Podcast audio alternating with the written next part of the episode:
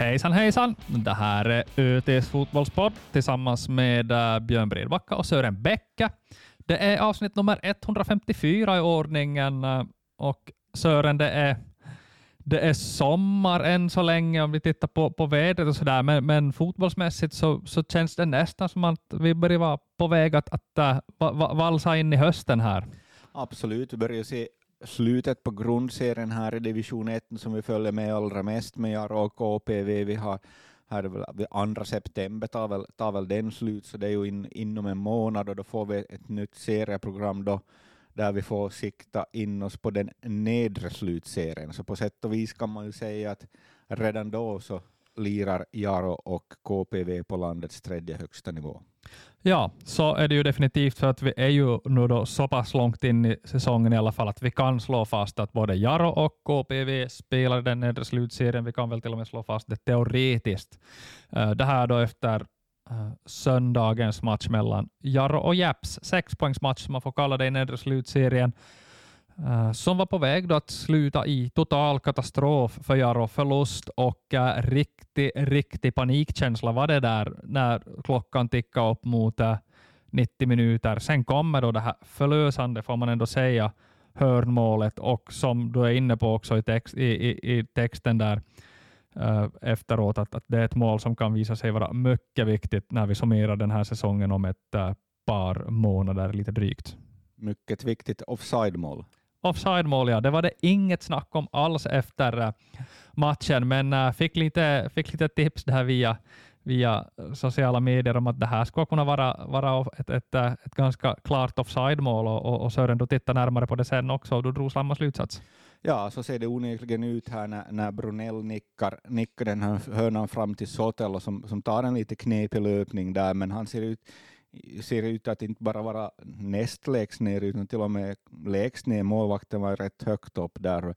Eh, Robin Kjellman, eh, vissa, vissa, vissa uppgifter man fått om att han skulle ha, ha någon form av rötter i Pedersöre och Bennes, det vet jag ingenting om, det är inte hunnit utreda, men, men i alla fall såg han ut att vara högre upp på centralplanen i Jakobstad än, än, än, än Sotelo här när, när nicken gjorde. Så ja, hur som helst så skulle det vara två, två, två spelare det handlar om, så, så det, det, det, det såg lite knepigt ut där.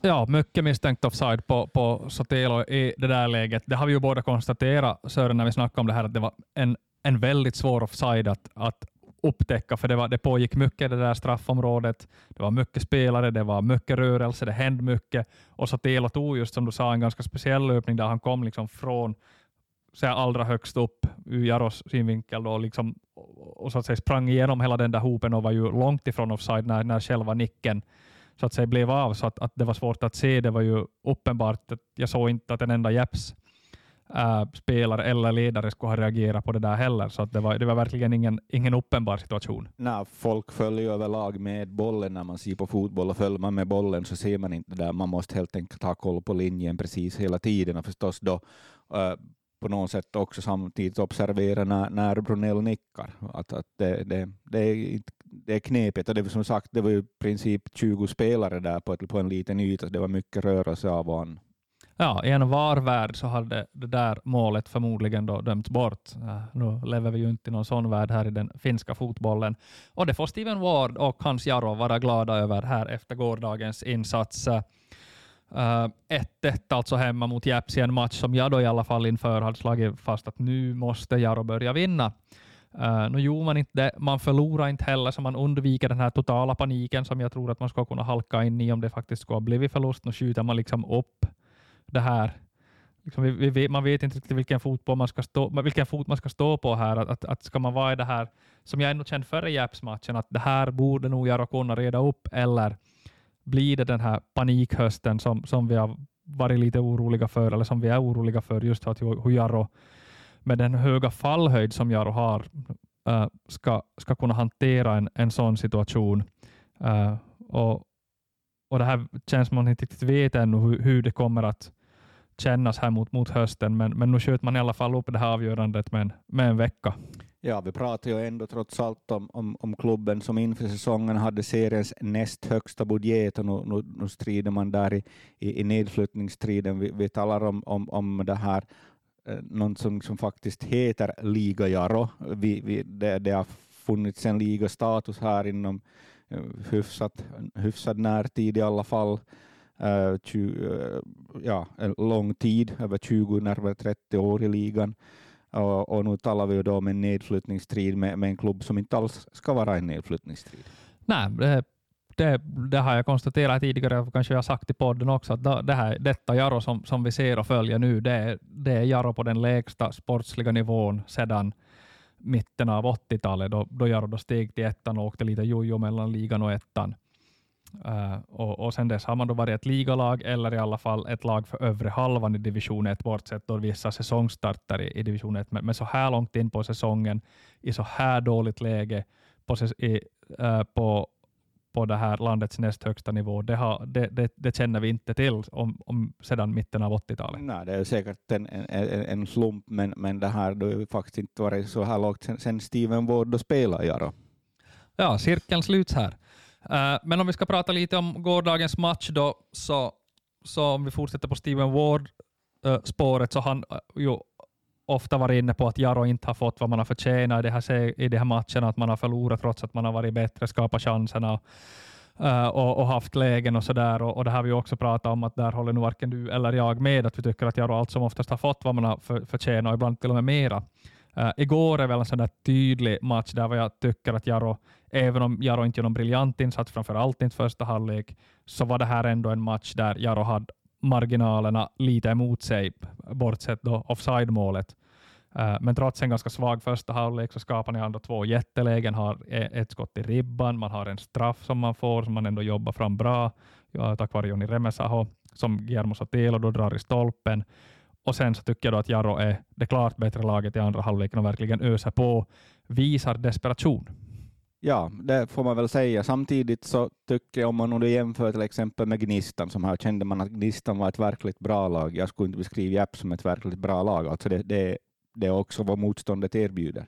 Så, så är det ju, att, att här, här biter ju Jaros den här desperationspress eftersom man möter ett lag som, är, som helt enkelt inte har riktigt förmågan att, att stå upp utan, utan backar och backar och backar och tillåter det här att, att ett, ett kontringsstarkt lag skulle förmodligen ha, ha, ha, ha, ha straffat straffa Jaron. Nu är ju absolut bygger mycket på kontringar, men, men man har ändå inte liksom förmågan att slå tillbaka. Men det känns som ett, ett spetsigare lag så, så skulle nog ha utnyttjat den här ganska, ganska liksom offensiva Jaro-balansen i andra halvlek igår. Ja, första halvlek var rent av bedrövlig med det som jag var in på, det här avståndet mellan fyrbackslinjen och mittfältet, som, som alltså, det var otroliga avstånd, att, att, att man inte fick upp den här fick upp fyrbackslinjen här under första halvlek så har, har jag svårt att förstå att, att det, det, det är instruktionerna som borde kunna nå, nå, nå fram och nå ut till, till spelarna. Ja, det såg ju inte speciellt bra ut, varken offensivt eller defensivt, men där offensivt så hade man ju svårt tycker jag, att få igång något spel tack vare att det var så långt avstånd mellan, mellan de här lagdelarna, att ingenting satt ihop och defensivt så, så hamnar man liksom hela tiden i den där svåra situationen att försvara när Japs hittar, där, i, hittar in ytorna mellan backlinje och mittfält. Och, Ja, och hur lätt de liksom spelar nerifrån, kort nerifrån, framförallt i första halvlek då där Japs spela ur den här Jaros press med fem till sex spelare väldigt enkelt. Dåligt, dålig press och sen en lågt liggande linje. Så det var ju, skulle det funnits ens lite kvali bättre kvalitet i app så, så, skulle det kunna gå riktigt, riktigt dåligt.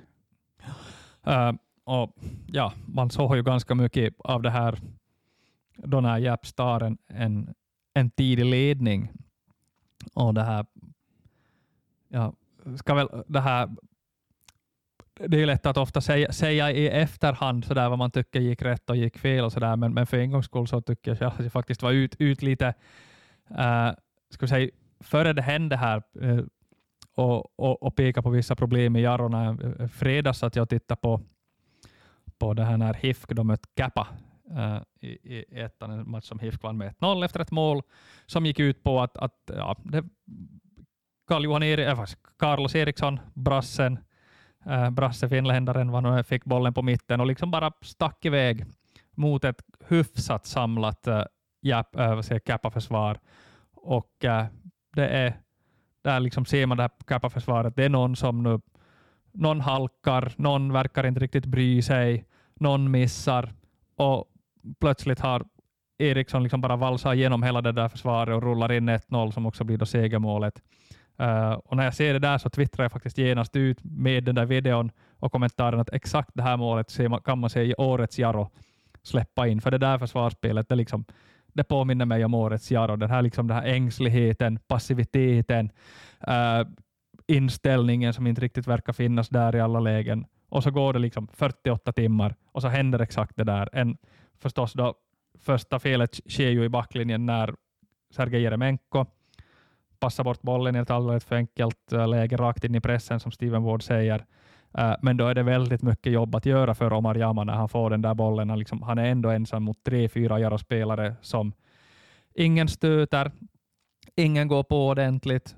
Uh, mittfältaren Markus Kronholm backar, alla backar och, och Ljungbäck backar. Ljungbäck backar. Sergej Jeremenko ser lite passiv ut, blir bortskrinad i sista läget och plötsligt så är det bara för Omar Jama att rulla in den där vid, vid bortre stolpen och, och, och, det är nästan tragikomiskt hur man blir sannspådd i, i den där situationen, men, men det, det är ju uselt agerat från början till slut, från att Sergej ger bort bollen till att den ligger i, där vid, i, i, i Jaros mål, så är det en, en rad med underkända insatser.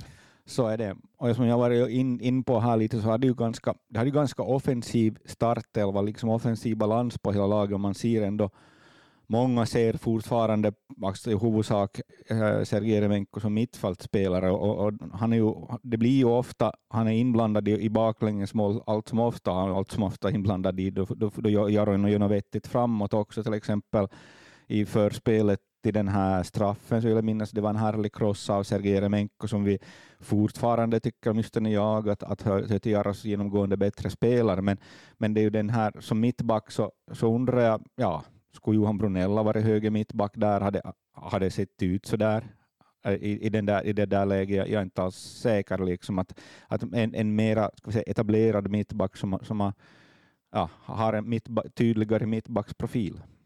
Ja, vi har ju varit inne på det här äh, just med Sergej Jeremenko, att det är ju ingen tvekan om att han är Jaros bästa spelare den här säsongen. Det tycker jag han är match efter match efter match, men han har ju också den här tendensen att tappa in ett mål varje, in, varje gång han spelar mittback. Att det är ett pris jag betalar då man, eh, då man med all makt ska ha Sergej som, som mittback. Uh, eh, nu hade man Alex Ramsey på bänken, man hade Johan Brunell på bänken uh, och ändå så, så gör man det här valet då, och, och, och jag tycker ju inte att, att Sergej, förutom att han då är lite misstagsbenägen eftersom han vill så jättemycket som mittback och är ovan, uh, Eh, så är ju ändå liksom i min bok så är den största förlusten att man inte har Sergej Jeremenko högre upp. Det var ju Jeps tränare inne på i matchen också, att, att när, när Jaro gjorde den här switchen i andra halvlek så, så kom Jaros hot högre upp i planen och det var ju helt uppenbart någonting som Jeps tränaren inte gillade. Jag kan väl också tänka mig att han är lite förvånad över att man, man, man då har, ha sin mest hotande spelare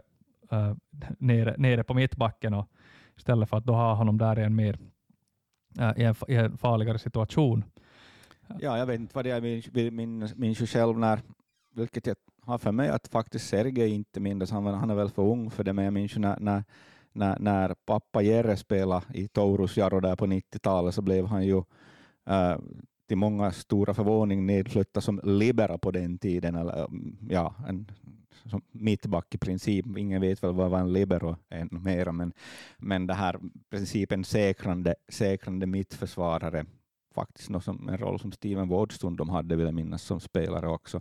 Men hur som haver, så, och då var väl, om jag nu minns rätt, så var ju Taurus motivering att, att spelet blev för långsamt mer på mittfältet, att, att, det, att det skulle vara mer rätlinjigt och, och det här Um, vet jag, är det någon liknande tankegångar som ligger bakom, bakom det här draget också? På något sätt? Jag kunde på något sätt mer köpa det kanske i i våras när, när centralplan var väldigt, väldigt dålig, att då kunde man, man måste anpassa och inte spela via mittfältet, att man då ville lägga den spelskickligaste spelaren som, som playmaker i, i, i backlinjen, så det, det, det gick att köpa det tyckte jag på något sätt. Ja, då hade man ju också andra typer av problem med Alex Ramsey som var borta en längre period och Karim Moses som var på ett, jag har väl avstängd i något skede och sen hade en ganska lång äh, period då han var med landslaget så där att det fanns helt enkelt inte mittbackar att tillgå.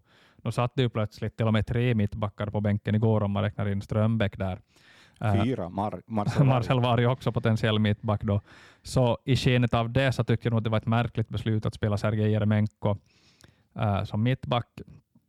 Uh, sen får man ju nog säga att, att uh, när han flyttar upp så sen, sen ska man inte alltid dra raka, raka streck med, med, mellan orsak och verkan, att, att Jarro tog ju över matchen i vilket fall då när man böt in Johan Brunell, flyttade upp Sergej Jeremenko. Jarro hade tagit över matchen redan innan dess som det var den direkta orsaken till att Jaros liksom press blev ännu tyngre, ska man väl låta vara osagt, men sämre blev det inte. Det är ju i alla fall det är också förstås en helt naturlig matchbild, ett lag som ligger under, som ökar på sin risknivå och, och, och liksom tar på det sättet över och, och satsar, liksom gör offensiva prioriteringar, medan ett lag som leder så gör defensiva prioriteringar. Det är helt naturligt. Ja, så, så var det ju igår och Jaro fick ju, som, fick ju bra utdelning då för den här desperationspressen som man stod för sista halvtimmen. Japs klarade inte överhuvudtaget av att stå upp utan blev mer och mer tillbakatryckt. Och det är ju klart att det här målet låg i luften med de här hörnorna, de här frisparkarna. Och, och pressen Fasta som... situationer som känns som att Jaro är ovanligt bra på. faktiskt. Ja, jag tycker vi har sagt det många säsonger i rad här nu, att Jaro har gjort mycket mål på hörnor och frisparkar. Och så där. Det har varit, tycker det har varit en styrka för Jaro under många av de här division 1-åren faktiskt. Man har haft kvalitet i leveransen med spelare som Sotelo och Kronholm. Man har haft där nickskickliga spelare som Brunello och Karim Moses genom åren och, och andra också. Här glömmer man många, många namn förstås, men jag tycker överlag att Jaro har haft en väldigt uh, stark grej just med fasta situationer under, under flera år, med, med Jimmy också. Om, om vi nu ännu blickar till gårdagens match så var jag kanske lite också in på den här balansen på mittfältet, då att man har tre spelare där i i det här i, i, i Hotta, Kronholm och nya Holnäs. Då som, Holnäs känner vi kanske inte till så bra, Hotta och Kronholm känner vi bra till. Det är ju framförallt skulle beskriva som offensiva kreatörer, äh, lite bollartister. De tänker i första hand som offensiva spelare, till skillnad från kanske en Adam Widjeskog, Jacob Bushu i fjol eller Marcel Varje år som kanske mera tänker defensivt. De tänker kanske mera på var är de placerade när Jaro tappar boll snarare än att de ska göra offensiva djupledslöpningar när Jaro har boll. Alltså det, det, det, finns helt, det, det är annan profil på det här spelet, men nu hade man då tre primärt offensiva och kreativa spelare. Så tycker jag att varför spelar man kanske då inte till deras styrka mera via dem, via Kronholm. Låta Kronholm göra spelet där. Jag gillar, ganska, jag gillar bra att Kronholm har en mera defensiv mittfältsposition. Han borde kanske ha en Marcel Varg-liknande spelare bredvid sig för att, för, att, för att kompensera för de här defensiva bristerna, kan jag tycka. Men i alla fall använd honom då, eh, för han, han kan ju göra spel på den här nivån, det, det han visar. Ja, det här mittfältet är ju lite annorlunda nu, just i och med att man saknar den här tydliga bollvinnartypen. Man har ju haft spelare som du var inne på, Bushu, Adam Widjeskog. Nu har man ju då Marcel Varg som ändå haft en ganska tung säsong, tycker jag. Att han har svårt att riktigt göra avtryck när han var inne. Jag tror att Marcel kommer att få ganska knepigt att få speltid på det här mittfältet här under, under hösten, eh, om det nu inte blir riktigt att, att Jaro faktiskt måste in och, och, och det här och, och, bara, bara kötta och grisa här i no, no, något skede. Det är väl, det är väl möjligt, men, men jag ser ju nog framför mig här under ja, kanske redan till, till, till helgens hemmamatch mot HIFK, att Jaro ska kunna gå på ett tremanna mittfält med Sergej Jeremenko, Omar Holnes och Severi Kähkönen. Uh, det tror jag är ett mittfält som, som helt enkelt ska räcka till här på slutet av säsongen. Det ska vara uh, kvalitetsmässigt så mycket bättre än de här andra bottenlagen, att det där ska kunna vinna äh, matcher åt Jaro. Och då måste man ju utnyttja deras styrkor, för deras styrkor finns ju inte i att, att vinna boll, utan det är att, att, att, att skapa spel och, och, och, och där, där, tror jag faktiskt att Jaro, ja, där, det där mittfältet tror jag kan, kan bli vägvinnande för, för Jaro, bara man, bara man vågar utnyttja det. Bara man vågar ha den kylan här på slutet av säsongen att faktiskt mm. spela fotboll. Ja, jag är inte alls säker på att Kähkönen kommer att användas som en av tre mittfältare. Jag tror att som en av tre anfallare, om man talar 4-3-3, kanske i huvudsak som center. Jasper Ova är ju direkt inte frälst oss under sina försök här eh, att, att göra avtryck. Um, på tal om Kähkönen kan jag tycka att den här matchningen av Kähkönen är lite märklig. Först spelar han en halvtimme med Jaro U23 uh, vilket är helt, helt okej okay och normalt. Man, man testar efter en lång från frånvaro. En, en vecka senare följande match, en halvlek med Jaro U23 och sedan var typ fyra dagar senare 70 minuter, 72 minuter med JBK istället för att då kanske kunna användas på bänken mot Japs för Jaro. Eh, man kände ju, jag skulle, jag skulle gärna kunna kasta in där en, en Severi i andra halvlek, att, att eh, visst, han har varit bort länge, men vi talar trots allt Severi Kähkönen som är absolut, som vi vet kan, kan avgöra matcher bara på egen hand när som helst, vilket han också har visat i sina, sina matcher, för, förvisso division 3, men han har gjort matchavgörande insatser och gjort mål. Äh, vi pratar om en spelare som, som, ja, som ska vara helt i princip överlägsen på den här serienivån. Så jag, jag, jag förstår inte, liksom, inte, inte riktigt den, den matchningen. Däremot en Albin Björkskog då, som, är, som är yngre, mera oprövad, inte alls lika etablerad, så kan jag förstå att man kör in långsammare. Han måste få spela in sig i Jaro U23 JBK kanske en lång tid. Han har ju trots allt inte ens riktigt etablerad på, på division 1-nivån, utan varit mera inhoppare innan skadan. Så, så där förstår jag att man, man har en mycket, mycket längre process än, än, än, än vad man kanske kan jag tycka borde ha haft med Kähkönen. Ja, det blir intressant tycker jag att se det här vilken position Severi Tärna han kommer. Jag, jag, jag tycker ju att Severi är en tia. Uh, men jag förstår också idén med att lägga honom högre upp där kanske som någon ytter som drar in och så som Jimmy använder honom ganska mycket. Det betyder då att man skulle ha, ha Severi på en av de där positionerna. Joni skulle garanterat vara en av de andra anfallarna. Då sitter man alltså där igen med, med Keanu, uh, Marsh Brown, Jasper Ova och uh, David Carty som man nyligen förlängde med. Det vill säga tre, ja, man får egentligen kalla det nyförvärv eftersom man förlängde med Carty som, som egentligen bara har en position att fylla. Så då sitter man där igen då liksom med sina, sina anfallare som man har skaffat den här säsongen och, och, och det, man, man, får inte ens in dem i en startelva, inte ens ja, två av dem. Det är väldigt märkligt att man förlängde med Karte här som, som inte spelar speciellt många minuter på sistone och förmodligen inte kommer att göra det heller. Nu, var det ju, nu spelade han spelade med Jaro U23 spelade han som, som högerytter där och det gjorde han ju också när han kom in nu och det är då en position som, som, som det här som, som Vård verkar, verkar prioritera för honom för tillfället. Han sa ju också igår efter matchen när vi pratade om det här att, att han nu spelar mest i den positionen. Så det är väl kanske det där som han då i första hand konkurrerar för tillfället, eh, äh, Karti, att, att vara, han har han, han har ju sin vänsterfot, han vill komma in med sin vänsterfot och, och söka avslut. Han sökte jättemycket med Jaro U23. Um, ehm, ja, och, och det här fick ju där göra ett mål till sist, men men, men det, här, det här beslutet att förlänga med Karti med tanke på hur mycket spelare jag har nu, jag har inte suttit och räknat här, men jag, i något skede är det väl 27 och det väl ramlat in några till. Att, om man jämför med fjolårets trupp när, när man var Ja, 18-19 spelare. Ja, ja så, så det är ju, man kan ju inte tala om att jag har en tunn trupp i alla fall.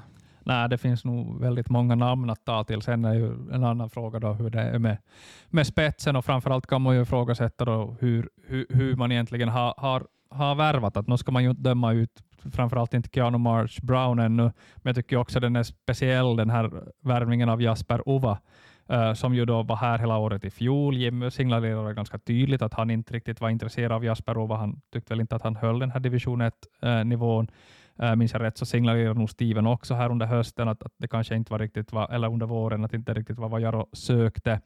Men hur som helst så handlar det om en spelare som har funnits här i Jakobstad, levererat för JBK under en och en halv säsong. Man har sett honom, man vet vad han har. Äh, men inte under något skede har liksom Jaro provat honom och testat honom att se att vad håller han för. Inte under en försäsong, inte, inte, ingenstans. Vad jag hört, han, han tränar väl lite då, då och då med Jaro här under, under säsongen, men men man har inte varit intresserad. Men då plötsligt när, när jag behöver en, en, en riktig förstärkning inför hösten, så då, då duger han plötsligt. Och så har han kommit in och visat att okay, det var ungefär vad Steven sa och vad Jimmy sa, att det här är kanske inte riktigt någon förstärkning. Nej, vad jag har förstått så har han ju inte haft en, en han var ju skadad på hösten, Jasper Ova. Han har väl varit hyfsat skadad, skadad, han har inte haft en bra träningssäsong Äh, så, så att, där, att inte han håller då för, för, för de, fysiska påfrestningar som krävs i division 1, som trots allt är större krav än i, än i division 2, så, så, så är väl, så väl inte direkt överraskande. Nej, jag tycker att det, var helt, att det är helt rätt att Jasper ska få chansen i Jaro. Jag tycker ändå att han, hans målsnitt i JBK, det, det, det säger det, men jag tycker att tajmingen blev blev märkligt. Det kändes som att nu måste vi ha in honom, men då plockar vi in den där Jasper som ändå har, har lagat lite mål. Egentligen så har inte vi velat ha honom, men eftersom vi måste ha någon så, så tar vi honom. Uh, så, ja, jag förstod aldrig riktigt uh, ta, tajmingen där. Det kändes mer som att man bara, bara behövde ännu en, ännu en spelare in i truppen. Ja, där kom ju också, det var ju svårt att förstå lite varför, varför det här lånekontraktet med till Rasmus Korkeaho, att, att var, varför, det, varför det bröts då plötsligt. Att, att det här är, jag ser ju inte att Rasmus Korkeaho kommit att spela speciellt många minuter med Jaro.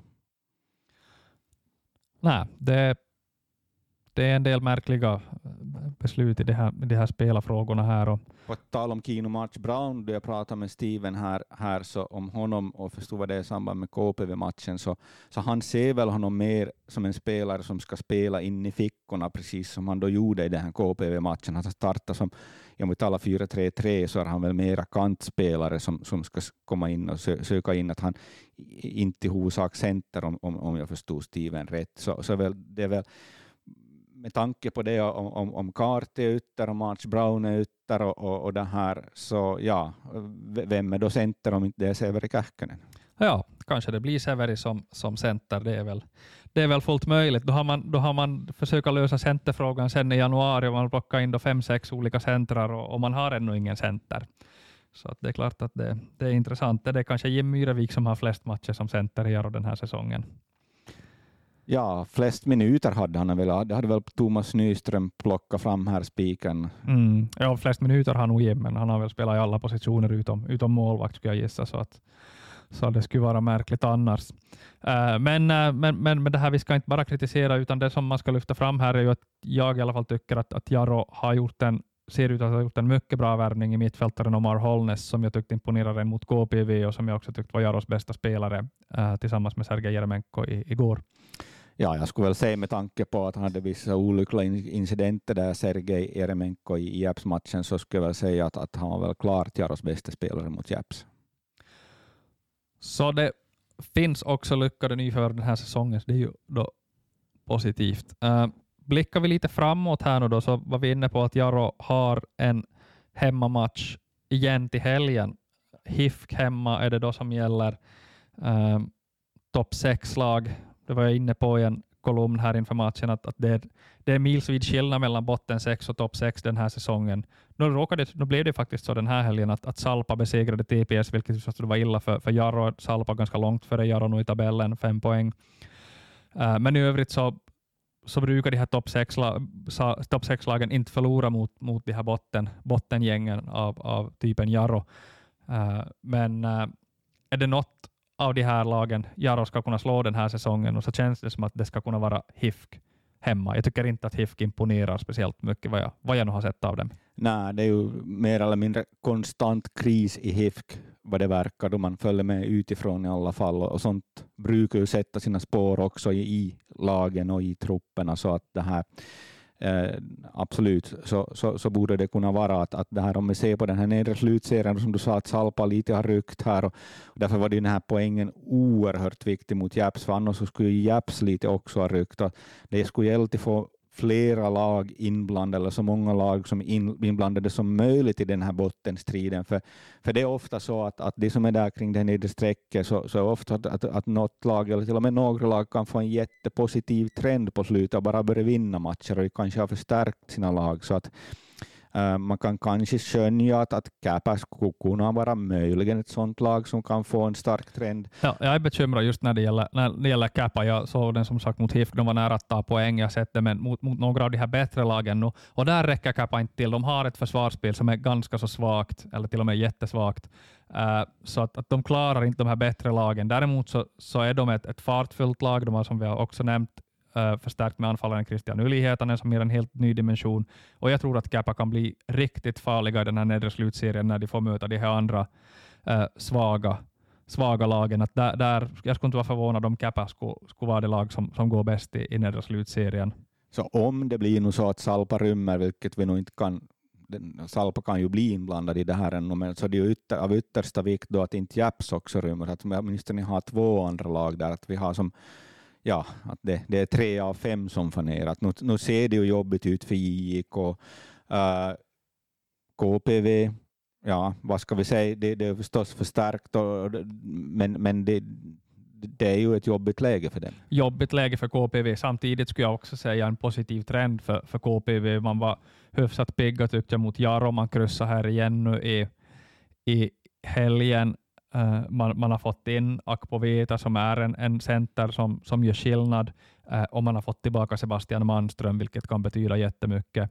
Absolut, men igen måste jag säga, jag såg den här matchen mot Gnistan, att jag skulle knappast belasta Manström för det här, men, men varför, varför slog Ville Seppe den här bollen till Manström? För det är många matcher som, som man slår upp mot en felvänd Manström centralt och, och så får han press, han har press på sig och så tappar de boll och gör mål. Det känns som det skulle vara jättemånga baklängesmål uh, som KP var på på det här sättet. Och, ja. och det är ju inte alltid Manströms um, jag menar, det är ju inte han som slår den där passningen. Ville Seppe där vill jag minnas, han borde, han borde se att Manström har i ryggen, det kanske inte, han är felvänd, ska jag faktiskt slå på honom? Ja, det där har ju på något sätt varit mer regel än undantag, tycker jag, att KPV har lagt sig i problem på det där sättet. Det har varit ännu mer påtagligt när man har haft äh, Lazarev mellan stolparna som, som är lite hasard spelare där, där längst nere med sina öppningar och, och lite, då är det också lite märkliga utrustningar och så här. Men, men ja, det är väldigt ofta som KPV blir straffade Eh, de blev ju det senast här mot Jarro i, i fjol också, vill jag, vill jag minnas, när man hade en sån liknande situation.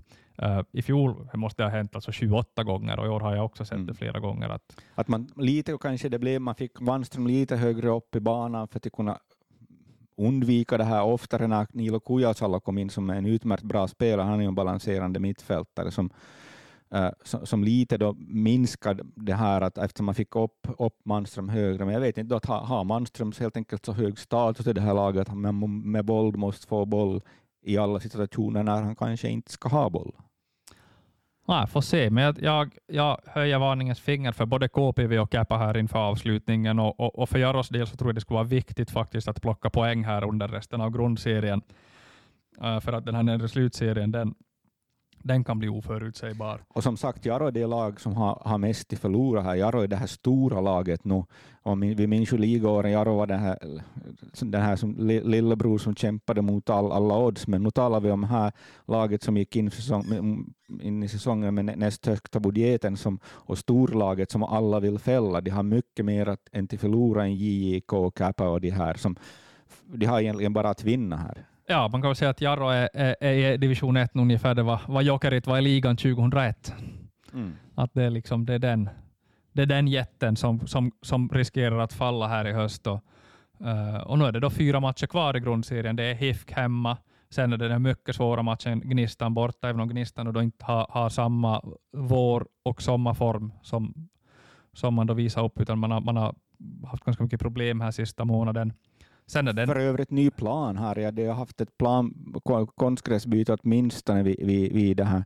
Mustapekka Arena. Musta, ja, Oggelby väl äh, på svenska. Äh, de spelar faktiskt på, på Braheplan och Gnista, men de ska väl då spela på det här nya konstgräset här nu när Jaro kommer ska invigas. Japp, splitternytt konstgräs blir det för Sergej Jeremenko och gänget här om, en, äh, om ungefär två veckor. Sen är det då två riktiga nyckelmatcher här slutet av grundserien när man först möter Salpa borta och sen JJK hemma. Uh, så att uh, det finns 12 poäng att spela om här ännu och, och skulle säga att Jaro borde ta åtminstone över, över hälften av dem för att kunna vara hyfsat nöjda med, med, med augusti månad. Mm. Som sagt, blir ja, om, om Jaro ens sladdar lite här och inte får de här poängen så tror jag att att förmågan att hantera den här nedflyttningsstriden inte kommer att vara speciellt bra här på hösten, så att det kan bli riktigt, riktigt kritiskt om inte man har en viss, viss marginal här hela tiden. Ja, det är nog känslan det inför hösten, så vi får väl se. Av det här, vad heter det, yrar jag här, men HIFK alltså hemma på, på söndagen, det blir på något sätt kanske avstamp för den här riktiga riktiga hösten. Då. En seger där så skulle betyda förstås väldigt, väldigt mycket. Uh, tittar vi i övrigt på, vi snackar ganska mycket KPV här redan, att eh, de är också i svår situation, men att, att det finns en liten öppning för dem. Uh, en, en mycket tydlig öppning har det funnits för VPS här, som ju har varit sommarens lag, får vi säga, i, i ligan med många raka segrar nu. Uh, sex, sju, vad hade man, sex spelare i månaden själva i Veikkausliga och har åkt som en raket från botten av, av ligan till övre halvan. Så är det, och, och det här, vi har varit in på det här i podden tidigare här under våren, så, så tycker jag faktiskt att VP spelar jättebra, men, men, men de fick ju inte poängen med sig. Eh, de gjorde här sådana här KPV-liknande missar i, i, i uppspelen, men man tog kanske, vissa kan säga onödiga risker i uppspelfasen, i alla fall blev det bestraffade, man hade kanske lite svajig målvakt, man hade, hade ingen målskytt, så det kom inga poäng. Men, men äh, Jaro jag har ju pratat om sin process, men jag tycker att, att VPs process, vad jag nu har sett, har varit mycket tydligare. Man kan se vad de har hållit på med. De, de, de, de kom inte i panik, utan de jobbade vidare. De fick in några nya spelare och, och det har gett resultat. Ja, det har faktiskt varit imponerande att se VPS. Jag tyckte också jag såg, så VPS här i någon mat, några matcher då de var som, hade som tyngst här under, under tidiga sommaren. Och bland annat ett derby mot SJK där jag tyckte att VPS var rasande bra faktiskt, men ändå lyckades förlora. Så att, eh, att de skulle gå sådär 6-7 raka, utan, 6 raka segrar, det hade jag inte kunnat tänka mig. Men, men att de, att de höjer, höjer tempot och, och, och det här gör en bättre sensommar-höst här, så det, det är inte jätte, jätteskrällartat ändå med tanke på vad man har sett. Uh, lite, vi ska snacka lite Simon Skrabb också. Han, det, det är rubriker kring Simon Skrabb känns det var och varannan vecka nästan. Han växer fram till en riktig profil i Kalmar. Igår igen då, söndag målskytt mot eh, uh, AIK hemma. Uh, sen då blir det Kalmar har, har spelet, trycket i början av andra halvlek. Fansen börjar elda lite bengaler, matchen avbryts och, och det här blir Simon då rejält förbannad på. Han beger sig ut mot fansen där och viftar med armarna och ropar att det, det släck, släck bengalerna. Uh, eh, och sen också i intervjun efter matchen så, så ger han uttryck för det här och, och är väldigt besviken på, på, på den där eldningen där som, som tar, tar Kalmars momentum och, och, och sen då kommer AIK in som ett nytt lag och kvitterar den där matchen och, och, och blir ingen seger för, för Kalmar. På tal om Kalmar som man då haft lite tyngre, det var ju att förlora Europa här mot armeniska laget Pjunik, eller vad det heter, om jag minns rätt, ja. så, var, så var det det laget som, som Jeremenko var här i ett, ett år, också den armeniska ligan. Om jag minns rätt när jag pratade med Jeremenko om det här, så det är ju ett av de absoluta storlagen här som varje år spelar Europa. Uh, armeniska ligan har väl inte speciellt stor bredd, det har väl några lite bättre lag, varav det här då är ett, men, men ändå måste man väl säga att, att det här ah, man blir väl lite överraskad att, att håller inte ändå Kalmar högre nivå än så här. Nej, fast jag tycker att Pjunik ofta brukar ta sig ganska långt i, i, de här, i de här kvalen. Så att, äh, men, men ja, nu hade man kunnat tänka sig att ett Kalmar som är, som är mitt i säsong ska kunna, ska kunna det här stå upp. Och man, man ledde väl 1-0 hemma, men tappade sen till 2-1 och sen är det ju besvärligt att åka med, med, med 1-2 i bagaget och, och, och, få ett resultat med sig från, från Armenien. Det är inte det, är inte det lättaste överlag så det varit väldigt dystert med Coop som var det mot Derry City och, och, och väldigt svag, svaga insatser av de finska lagen också ute i Europa.